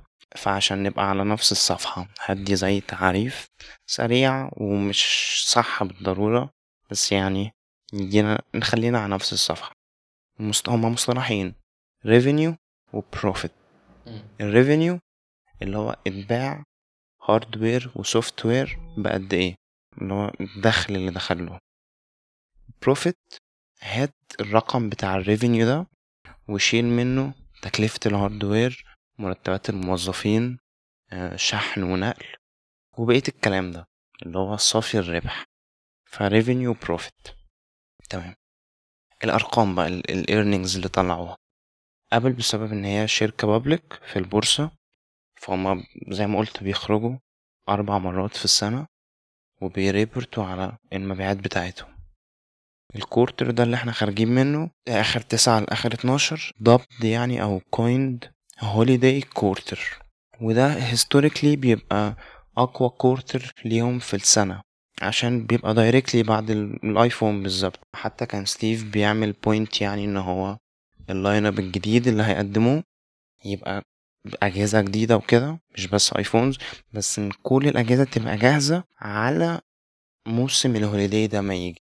بحيث إن على ما شهر تسعة يجي بقى أو عشرة أو حداشر وحوالين الكريسماس يبقى أبل مقدمة كل ال products الجديدة بتاعتها سواء وقت ال iPod وقت ما كانت ابل بتركز أكتر على ال Macs مع ال iPhones وال iPads اكسسوارز سماعات كل الحاجات دي.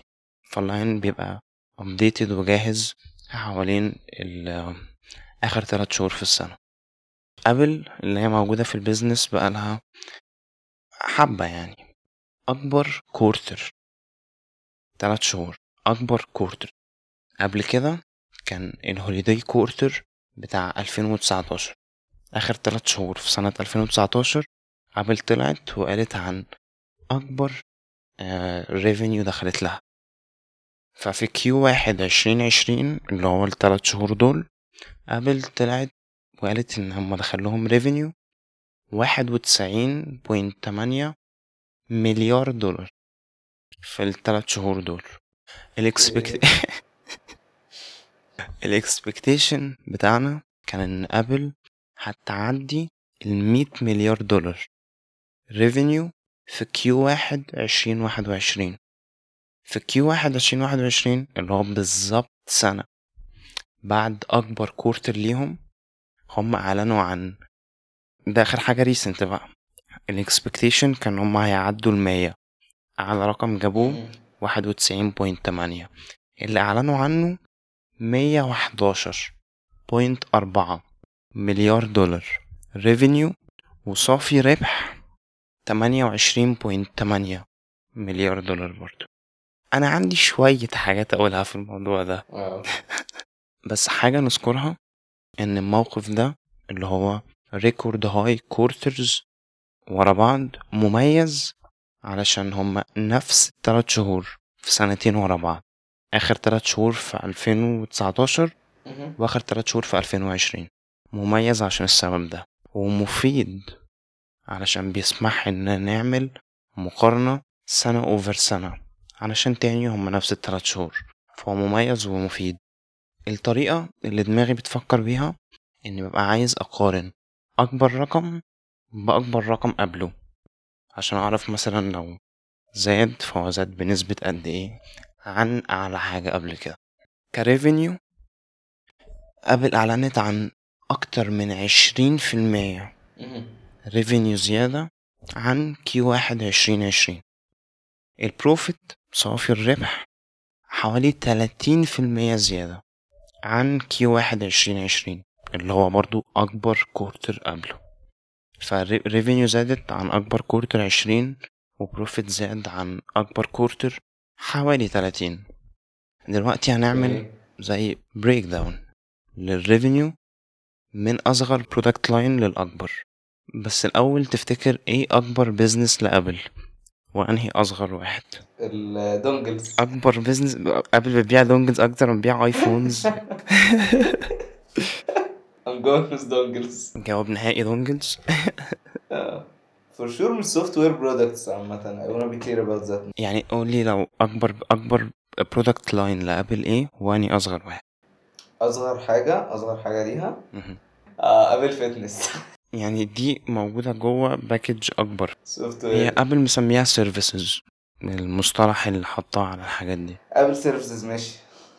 yeah yeah أبل services حاجة إن أنا كنت قريت article عن آه، ليه أصلا Apple TV واقع مع إنهم عملوا آه، دفعوا فلوس وجابوا premieres بقى وعملوا حاجات. بتاعتهم بس وكده بس لسه still واقع واخد share أقل من موقع أنا معرفش اسمه. مش فاكر اسمه لحد دلوقتي في ال US أبل محطوطة في others أو تحت others أو يعني رقمها ال others 6% وهي 3% تقريبا nice. ال market share ديزني واخدة أكتر منها. ديزني آه ضخمة الحقيقة okay فأنت في رأيك ال services يعني أقل حاجة؟ أظن هي هتبقى ال services أقل حاجة آه. وأكبر product ليهم آه، افتكر ال iPhone؟ يعني ممكن نتفق إن ال iPhone ك كم؟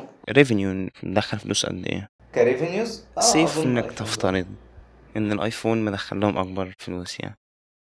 yeah yeah لا أنا أنا أنا أكيد هقول هقول iPhones مش تمام بس أقل حاجة إحنا دلوقتي الكلام بتاعنا على أو رأيك أنت إن هو services يعني؟ services أنا بتكلم على ال services okay أنا هبدأ ال breakdown من أقل product line للأعلى. أقل حاجة iPad دخل 8.4 مليار. oh اللذيذ في الحوار ده إن ده أكبر quarter لل iPad في ست سنين. اللذيذ هنا إن ده نص حياة ال iPad كان introduced في 2010 فالتلات شهور دول ال iPad دخل فلوس ليهم أكتر تلات شهور من ست سنين. بعد كده ال product line اللي بعده. بعد ال iPad تمام؟ Mac okay حاجات fascinating interesting السنة دي بالذات عشان ال new Macs. بس أنا عندي سؤال ده أنت أنت بتتكلم على السنة دي ولا بتتكلم على طول تلات شهور من آخر تسعة لآخر اتناشر ألفين وعشرين. تمام. ال iPad قلنا دخل تمانية point أربعة مليار. ال Mac دخل تمانية point سبعة يا. مليار. عايز أقول حاجة إن هو أول Mac proper كان سنة أربعة وتمانين. بس ابل بتبيع كمبيوترات. من ستة وسبعين. Hackintosh آه Macintosh. آه كان أول واحد خالص. Macintosh. فإيه بقى؟ التلات شهور دول أو ال quarter اللي إحنا عدينا منه ده طلع تاني أكبر quarter لل Mac في تاريخه اللي هو سبعة وتلاتين سنة أو خمسة وأربعين سنة حسب بن بنعد من ابل ماكنتوش ولا Apple One تاني أكبر quarter يعني هو ده أقل ولا تاني أكبر quarter من اول من أول ما بدأ أصلا؟ من أول الماك واللي هي ابل بدأت بالماك أصلا. okay. سنة ستة وسبعين كان Apple One أربعة وتمانين كان أبل ماكنتوش ففي ال span بتاع سبعة وتلاتين أو خمسة وأربعين سنة التلات شهور دول كانوا تاني أعلى تلات شهور. طب لو ده تاني أكبر quarter مهم. إيه أكبر quarter؟ للماك ever. ال quarter اللي قبله. آه إنتل. Q Q أربعة ألفين وعشرين. في ال revenue generated من الماك كان تسعة مليار. والماك دخل قلنا تمانية point سبعة مليار. ده بتاع iPad ده بتاع iMac بتاع Mac Pro آه اللي هو كان ال update بتاع الفيجا 12 وكده؟ آه، آه، قصدي على ال latest يعني اللي كان ساعتها. أفتكر في ال quarter ده كانوا صلحوا ال keyboard. كان ده ال quarter اللي فيه ال line كله بتاع اللابتوباتهم. كانوا شالوا بقى ال trashy butterfly دي وحطوا مكانها ال Magic Keyboard بال scissor switch. يعني إحنا بنتكلم في ال quarter عشان تبقى انت اللي فيل شيلر آه، طلع مع TLD ساعتها. آه كانوا بيعملوا presence كويس الحقيقة على اليوتيوب والبودكاست الفترة الأخيرة دي. props ليهم على كده. كان ده تاني أعلى آه، جريج فيدريتشي في البودكاست تلاقيه في طبق اليوم. بشعره ده حقه. تلاقيه في أي حتة دلوقتي؟ تفتح اي حرفيا يعني ليه ليه الحق اي الحقيقة؟ اي أي بودكاست ما عدا له ليتر ممكن بقى عشان كندا ولا حاجة مش هيسافر له بلد تانية أو كده. أو لاينس يا ميبي ذاتس بوينت يعني بجد. هو عامة اونلاين هو اونلاين الانترفيوز اللي بتحصل. بس تمام okay بس كندا بعيدة برضه. internet connection ما تسمحش. اقعد هزر يلا كتير.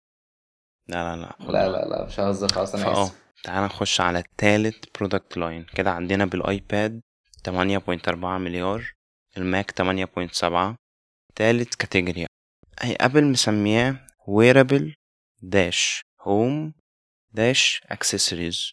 ده اللي هو mostly الساعة براند AirPods Beats HomePod مع adapters شواحن. cases وبتاع. wait wait wait معاك تاني أهو. Beats Beats ليه؟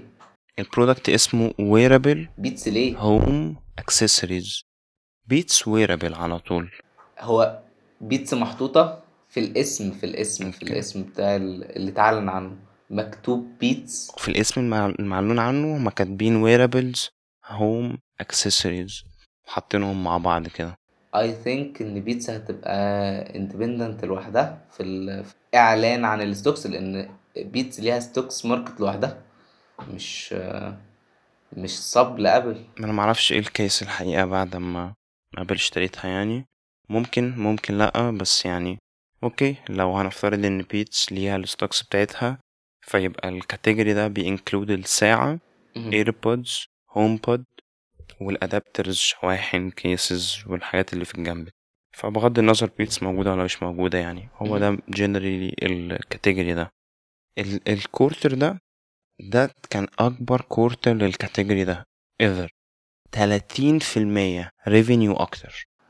من أكبر quarter قبله Q واحد عشرين عشرين اللي هو من سنة قبله على طول. okay. 30% revenue زيادة. طلع ل 13 مليار دولار.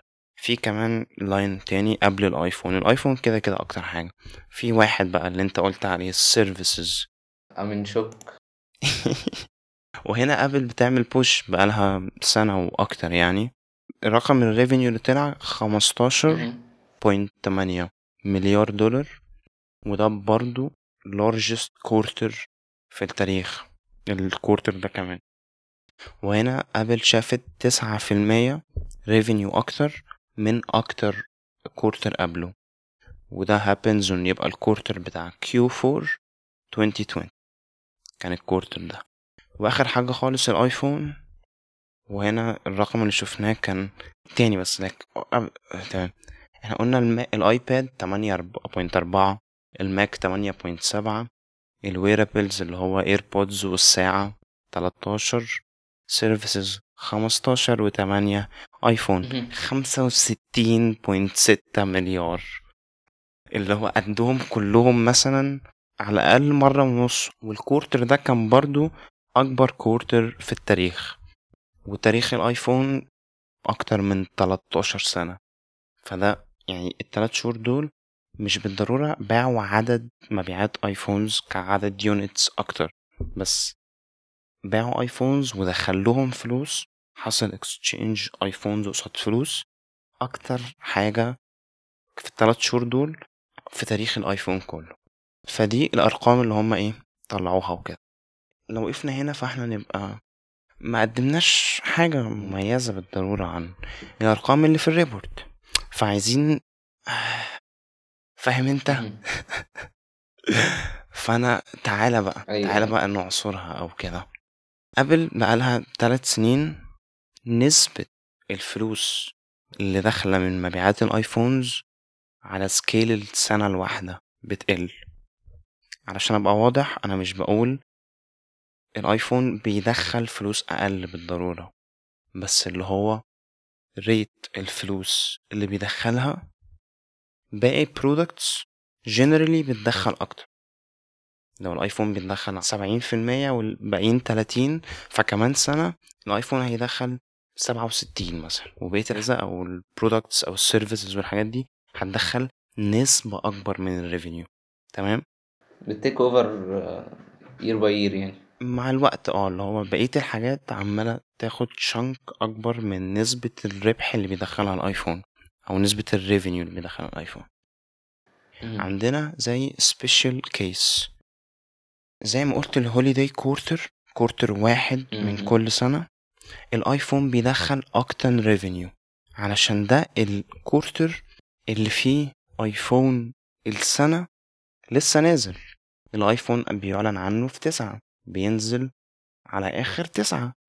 فهو بيبدأ يحسب ال quarter من إمتى الآيفون بقى available للناس. أو بعد التاريخ ده بأسبوع مثلا. تمام. والسنة دي no exception ال pattern بتتكرر. في ال quarter ده اللي هو آخر تسعة لآخر اتناشر ألفين وعشرين آيفون دخل تسعة وخمسين في المية من ال revenue يعني يقول لك الرقم بتاعه كان في الستينات حاجة وستين مليار. لا wait بقى تسعة وخمسين تسعة وخمسين في المية من ال revenue okay. اللي هي كلها مية وحداشر point أربعة. هو السنة اللي فاتت كان كام؟ قلت أنا مقولتش أنا قلت إن هو كان؟ أكبر. أكتر أكتر نسبة بس الرقم ما قلتوش. في ال show notes هيبقى فيه بقى لينكات وحاجات وهتقدر تاخد قصة أكبر أو واضحة represented قدامك بأرقام وب graphs آه، من website اسمه 6 colors. هحط ال link بتاعه. ففي ال quarter ده الآيفون دخل تسعة وخمسين في المية revenue يعني بقيت الآيباد مع الماك مع ال AirPods مع ال HomePod مع ال services وال software الباقيين دول كلهم دخلوا دخل واحد وأربعين. فأنا ممكن أقول ده بشكل تاني. إن من كل خمسة دولار revenue لأبل في الثلاث شهور اللي فاتوا دول آيفون دخل منهم تلاتة دولار. من كل خمسة دولار revenue آيفون دخل تلاتة دولار.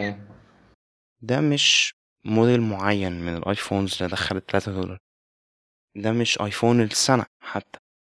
ده ال lineup كله. اللي هو في ال case اللي إحنا بنتكلم عليها دي آيفون 12 العيلة بتاعتهم مع ايفون 11 مع ايفون 10 R مع ايفون SE ده ال lineup بتاع الايفون في السنة. عايز أربط ده بقى بفكرة في دماغي وأنا coined الفكرة دي smartphone problem. أنا أقصد إيه بقى بيها دلوقتي واضح إن في صعوبات بتقابلها شركات ال smartphones ال OEMs يعني اي ال market متشبع لدرجة. بمعنى إن الزبون اللي بيدور على smartphone غالبا اشترى واحد by now. لو أنت في السوق إنك تشتري موبايل فأنت غالبا جبته أو جبت واحد يعني. وبقول تشتري مش تأبجريد أنا بتكلم إن يبقى معاك موبايل متشبع من الناحية دي. ممكن يبقى معاك واحد ومش عاجبك وعايز تأبجريد أو أو أو. بس إن أنت تبقى بتدور على موبايل فأنت غالبا اشتريته. ده A. B. الموبايلز لدرجة كبيرة شبه بعض. فأنا بتكلم مستطيل إزاز قدام likely إزاز ورا مع frame ألومنيوم أو بلاستيك وتشكيلة كاميرات ورا وعلى الأقل واحدة قدام وبطارية بتقضيك اليوم وبتشحنها بالليل لليوم اللي بعده. ده الموبايل. لما أقول موبايل هو ده. reasonably دورة ال hardware upgrades السنوية. مش بتقدم features meaningful. أو أنا مش شايف إن بالضرورة meaningful. أحسن حاجة توصف الفكرة اللي في دماغي بس دي اللي أنا وصلت لها. أقصد إن ال upgrades السنوية للموبايلات. بتطلع لنا إيه؟ بتطلع موبايل أسرع شوية والكاميرا أحسن شوية. مهم. وده تقريبا كل حاجة. design شوية مختلف أو أيا كان بس ده generally اللي بناخده من الدورة السنوية للموبايلات. حتى في some cases بنلاقي إن ال market بيكافئ ال upgrades المملة عن ال upgrades اللي بتقدم حاجة جديدة. فبص مثلا على البيكسل أنا معرفش أرقام مبيعاته كده بس على الأقل ال feedback بتاع ال reviews وال tech personalities يعني. لما البيكسل جه قدم technology جديدة وال lidar بال notch الغريبة بتاعتهم دي. بس technology جديدة capability جديدة حاجة الموبايل قادر يعمل بتغير الطريقة اللي بتعمل بيها مع الموبايل. ال market أو ال reviews والحاجات دي it didn't treat ال feature دي بشكل كويس. قعدوا يقولوا لأ مش كويسة كفاية مش مهم. الفكرة ممكن تبقى كويسة بس التطبيق بتاعها ضعيف والحوار ده كله. لما جم بعد كده شالوا بقى ال features الغريبة دي و simplified الموبايل وحطوا 2 جيجا RAM وشريحة 700 بسطوا الموبايل ك offering ما خلوش فيه حاجات extraordinary لقيت ال reviews بدأت تشكر في الموبايل وتقول اللي هو okay ده معقول ال offering كويس ال package كويسة والحوار ده كله والسعر والحاجات دي كلها. ونزلوه بحجم واحد خلوه simple as possible وكانوا كاتبين motto كمان على العلبة مش فاكر كان إيه ال motto بالظبط بس إن هو كان سهل قوي يعني. آه، مش عارف the easiest the easiest phone ever أسهل إعلان عن smartphone في التاريخ. حاجة زي كده آه يعني كان حاجة اللي هو إحنا تافهين قوي عملنا حاجة تافهة قوي وأنا حتى الموبايل ده ك package أنا بفضلها كتير عن اللعب اللي عملوه مع الموبايل ب notch غريبة و... too bad إن ملهمش حد في ال Middle East. أنا حتى برضو آه، موافق في ال assessment دي للموبايل.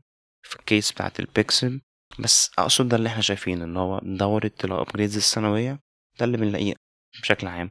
ممكن design مختلف شوية موبايل شوية أسرع والكاميرا شوية أحسن. بس ده اللي بناخده سنة over سنة. فأنا ك Apple evangelist أو whatever عايز ال team بتاعي يقدم أحسن products ممكنة أصلا. فأنا ممكن بس أتخيل إيه يحصل.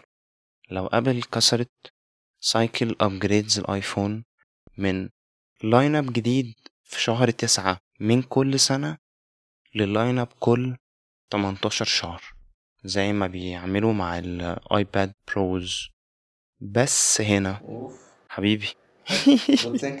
بس هنا قول. انت ممكن تتخيله simply بان انت تشطب الموبايلات اللي بين السنين وتشوف اللي هيطلع لك إيه. skip موبايلات سنة. أقول لك حاجة. skip middle of the cycles skip ال XS والنبي. بالله عليك. ولا ال XS رغم إن هو ما كانش بيقدم حاجات كتيرة عن ال... عن ال ten skip ال XS بس في السنة بتاعته قدموا ال size الجديد. ال 10S Max. فهو كان significant عشان ال size الجديد. مش علشان الموبايل بيقدم حاجة قوية أو كده. اسمع بس skip ال XS أنا ما جبتوش. ما ما تبصليش. don't be ashamed skip ال XS بس skip ال 6S skip ال 4S dude ال four S كان كان legit ال four S كان على وضعه. skip بس. وحل مشكلة في الانتنة والحاجات دي. آه يا يا okay okay for sure for sure skip ال 5 طيب. لا يا عم انت. 4S بداية cycle انت نايم بقى انت آخر اليوم بقى وتعبت ولا حاجة. يا اسطى مش كان في four إزاي هيبقى بس أول ال cycle ال 6 بدايه cycle قبله ال 5S قبله ال 5 أها يبقى ال 4S بداية cycle أنت كده ال upgrade cycle بتاعتك كل سنتين مش سنة ونص. هو however يعني أنا أقصد التفكير بتاعي إن ال upgrades تبقى بتقدم حاجات أكتر من بس كاميرا أحسن شوية و processor أحسن شوية. أقوى قوي يعني؟ بس أنا عايز أقول لك حاجة لما تيجي مثلا في area تانية غير الموبايلات بتبقى ال offering ديت بس طبعا ال area اللي أنا هتكلم فيها ديت قديمة شوية فخلاص تشبعت. area العربيات. انت العربية مثلا الشكل بتاعها بيبقى بيقعد مثلا خمس سنين وبيقعدوا ي iterate وا على الشكل ده سواء كماليات سواء حاجات بسيطة. لكن الشكل بتاعها واحد ده عادة بي indicate إن مش عايز أقول نفس ال performance عشان محدش يجلدني في ال comment ات بس ال performance قريب يعني. يعني أنا أنا عارف إن أنا اللي بقوله ده مش مش صح بالظبط بس أنت بتتكلم في اللي هو ال upgrades ال... يعني زي السنة over سنة في نفس design العربية من نفس الموديل بتاعها يعني. اللي بيحصل يعني مثلا لو اتكلمنا في آه، مرسيدس A 200 مثلا أو ال A ال A series عامة هتلاقي كل كذا سنة أو جولف الجولف خلينا في الجولف عشان دي أسهل حاجة وأكتر حاجة مشهورة. الجولف عندك مارك رقم اللي هو جولف 7 جولف 6 جولف 5 هكذا جولف 8 لسه نازلة. بتقعد يعني جولف 7 من 2014 ل 2019 أظن. مش متأكد بس الفترة دي كلها نفس الاسم اللي هو نفس الرقم. اللي هي جولف مارك 7 ال iterations اللي في النص بينهم لو جبت نسخة 2014 ونسخة 2018 اللي هي أول والأخيرة الفرق بينهم هيبقى مشاكل ظهرت في 2014 اتصلحت في آخر 2018 عدلوا عليها أو كده آه. آه كان منها مشاكل في ال gearbox. ده أظن ال- اللي بيبدأ اللي بادئ اللي هو يتجه إليه الموبايلات بس لما تتشبع ما ده لدرجة من الدرجات اللي هو مثلا شفناه مع ال iPhone ال cycle بتاعت السكس مثلا. هو قدموا ال design الجديد مع السكس لقوه معرفش بيتني يا جدعان معرفش إيه اللي بيحصل الكلام. فاستخدمنا material مختلفة للشاسيه بتاعه. زودنا ال thickness قد إيه؟ أجزاء من ملي علشان يبقى احتمالية إنه يتني اللي هو بنقلل بنعدل على الجهاز علشان نقلل المشاكل اللي لاحظناها لما نزل لل public واتباع منه. كام مليون نسخة. ولقينا مشكلة في البتاع ده فقلت هنعدل عليها ون... ونحلها في الجيل اللي بعده. فاتظبطت درجة كبيرة في الجيل بتاعت السكس اس أكيد كان في مشاكل تانية. reported وقت ال 6s عدلوا عليها وظبطوها في ال 7 مثلا كان إن ال home button ما كانش حاجة widespread و reported بشكل كبير.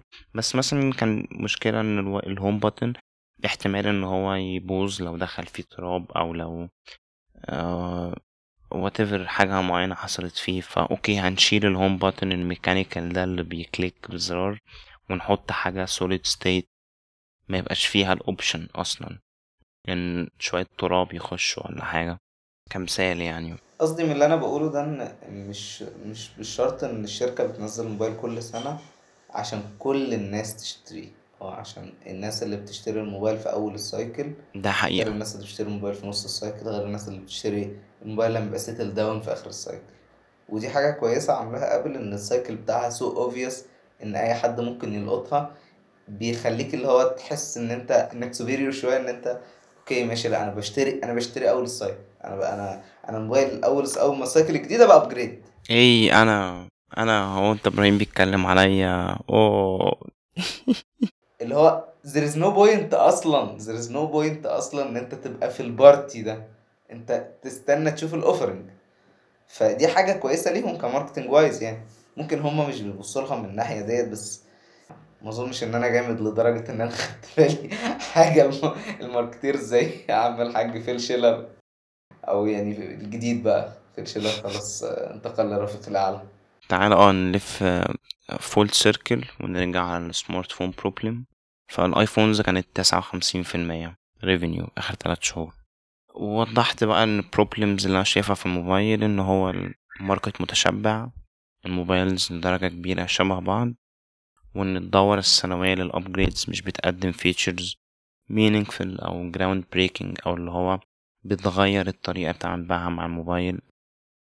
فهنا بقى لما نحط الاتنين factors دول مع بعض ال report اللي بيقول إن الآيفون دخل في تلات شهور تسعة وخمسين في المية مبيعات مع ال smartphone problem هنا الآيفون في ال peak quarter quarter على طول اللي بعد ال iPhones الجديدة نزلت دخل تقريبا ستين في المية من ال revenue ده بيقول إن في دافع أو حافز للشركة تفضل على ال cycle السنوية دي. ف I can only hope إن الآيفون قشطة يفضل ي generate cash بس إن باقي ال lineups وال products اللي Apple بتقدمها وخصوصا ال services تاخد نسبة أكبر من ال revenue وتاني نسبة أكبر.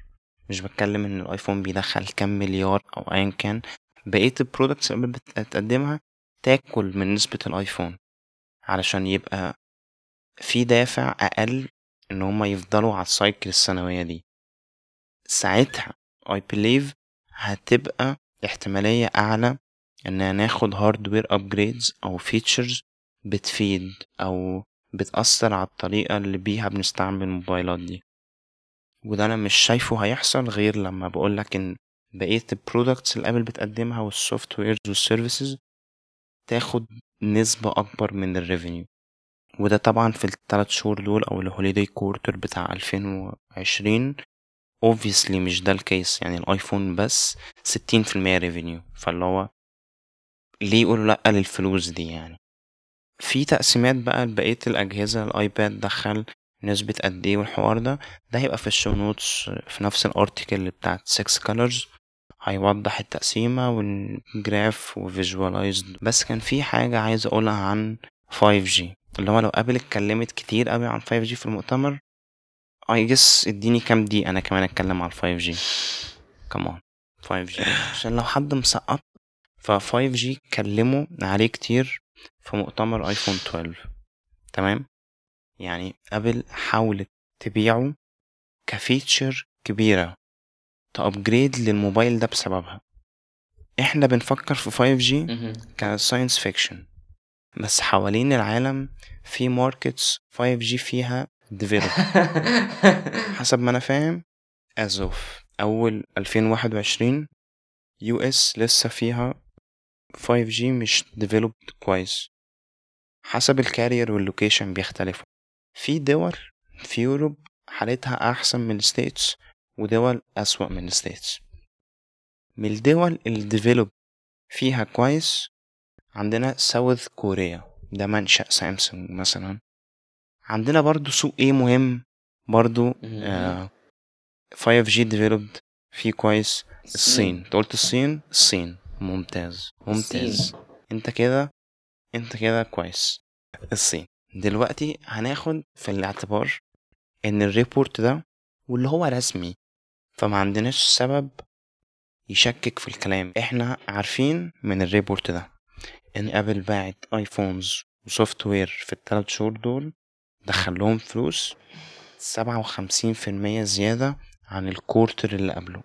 مش مفاجأة عشان الموبايلات الجديدة نزلت. مش دي ال pattern اللي كنا بنشوفها في كل holiday quarter في الصين.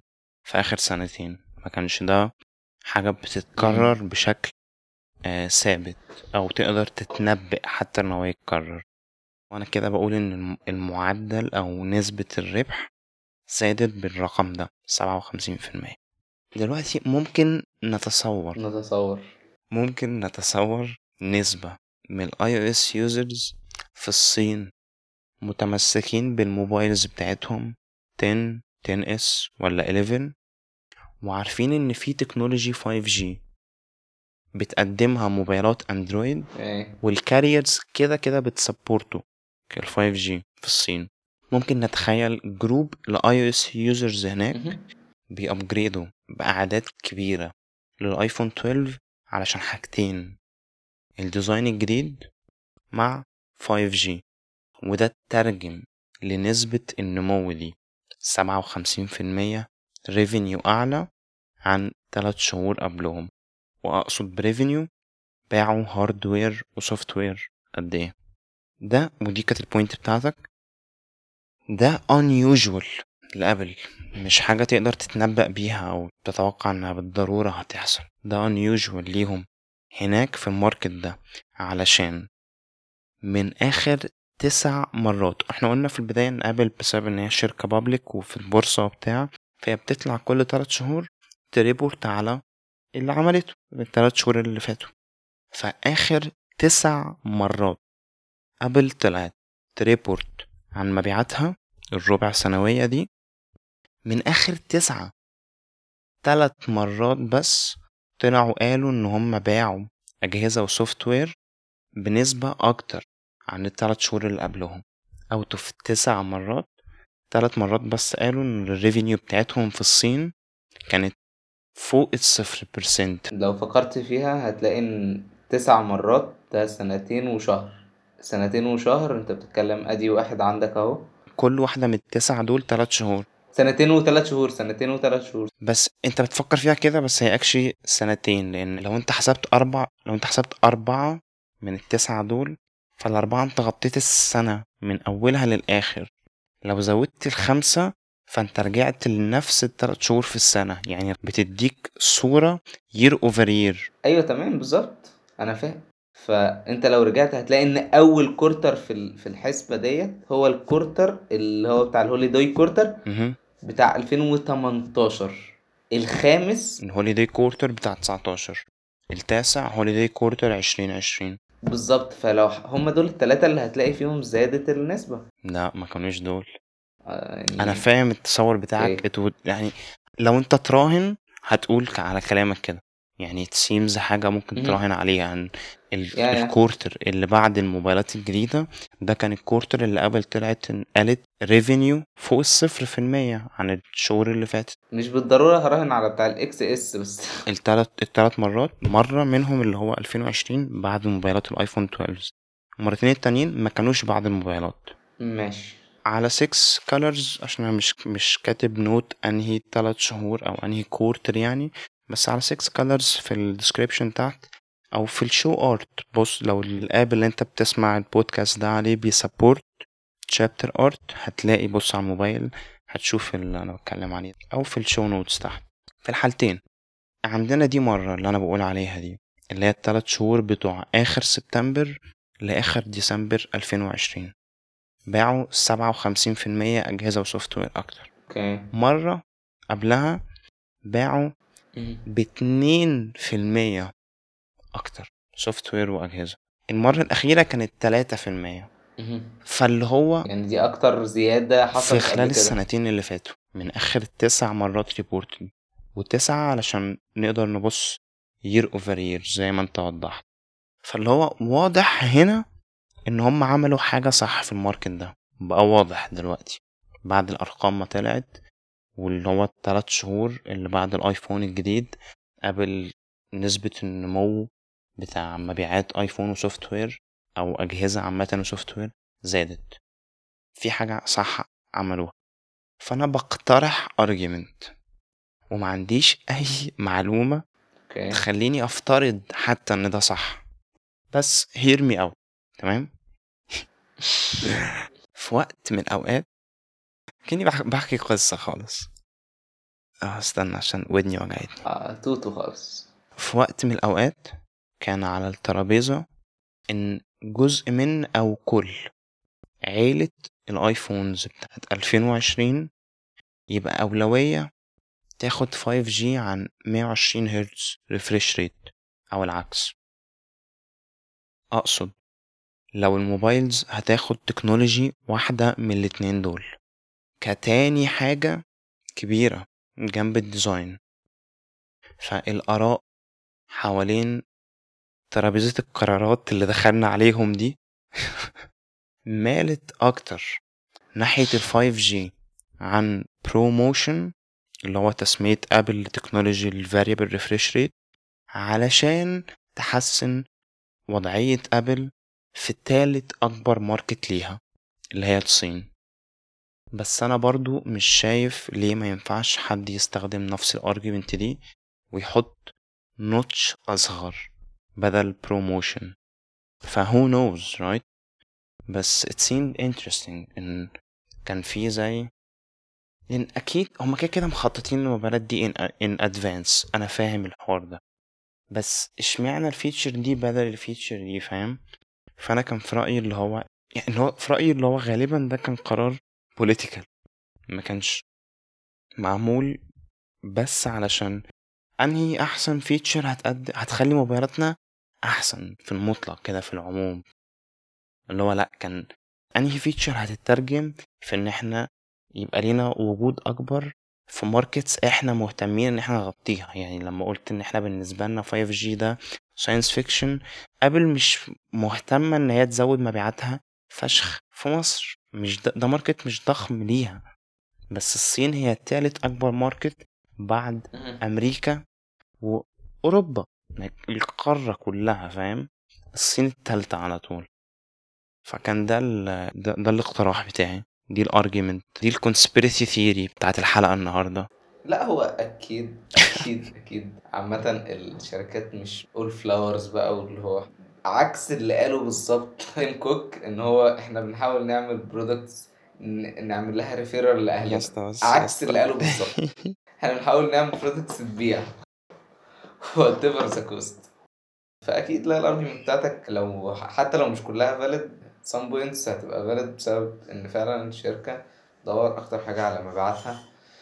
مش هتدور على مش عايز أقول مصلحة المستهلك وأبقى فاهم وأبقى جده في نفسي كده بس بس بص مش عايز مش عايز أ- زي alone الموضوع إن هم أشرار أو إن هم مش مهتمين بقد إيه الموبايل يبقى كويس. اللي هو لو موبايل بيقدم 5G دي حاجة كويسة؟ لا هي مصلحتك مصلحتك من مبيعاتهم. لو أنت عندك support ال 5G والموبايل بي support ه already ليه لأ؟ اللي هو ده ده أصل ال networking بيأثر على تقريبا. كل حاجة بتعملها على الموبايل.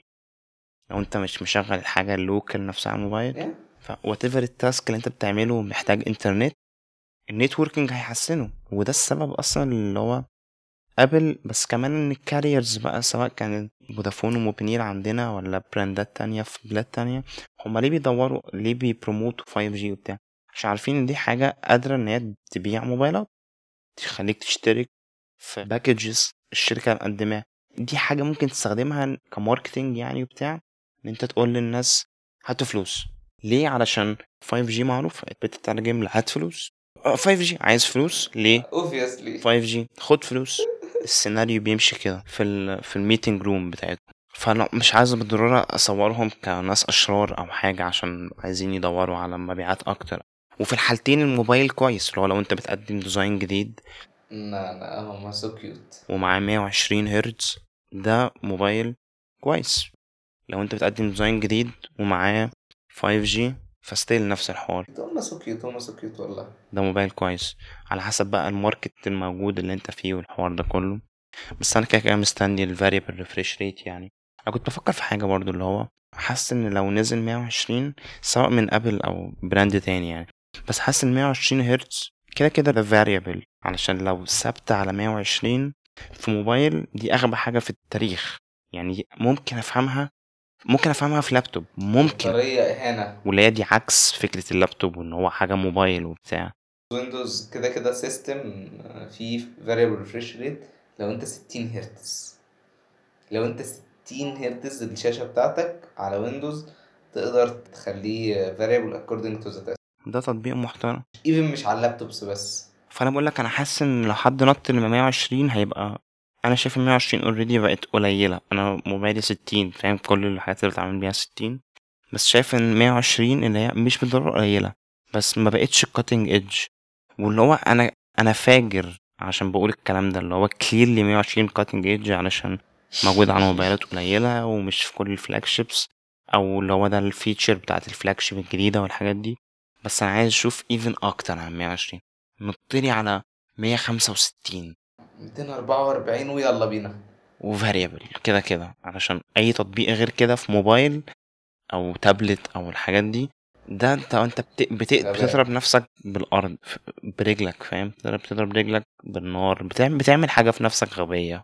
أيوه أيوه. أنت بت... يعني بتفرق على الموبايل. بتخبط دماغك في الحيطة جامد. اللي هو ما تعملش كده في البطارية يا ابني. ودلوقتي كمان خد بالك معظم الشركات يعني بدأت تتجه. مش معظم مش عايز أقول معظم الشركات لأ خلينا يعني سامسونج كمان بدأت تتجه زي أبل إنها ما تبقاش في المؤتمر all about numbers واللي هو يا جماعة الحقوا ال- اسمه إيه ده؟ الحقوا ال 4000 ملي أمبير اللي عندي. الحقوني. حد حد يشتريه دلوقتي. لأ اللي هو battery lasts all day all day battery life. that's it yeah that's it آه guys alright. Uh, that's it. أفتكر عندك uh, حاجة points critical عايز تغطيها؟ يعني I guess خلاص كده. Alright alright. إحنا مش uh, بن run ads للبودكاست لو عجبتك الحلقة it helps لو تعملها share مع شخص واحد. لو ما عملتش subscribe لسه اتأكد إنك تعمل ده علشان ما يفوتكش الحلقة الجاية. ولو تسيب star rating على Apple Podcast ده بيخلي ال algorithm يحبنا آخر حاجة. peace out peace out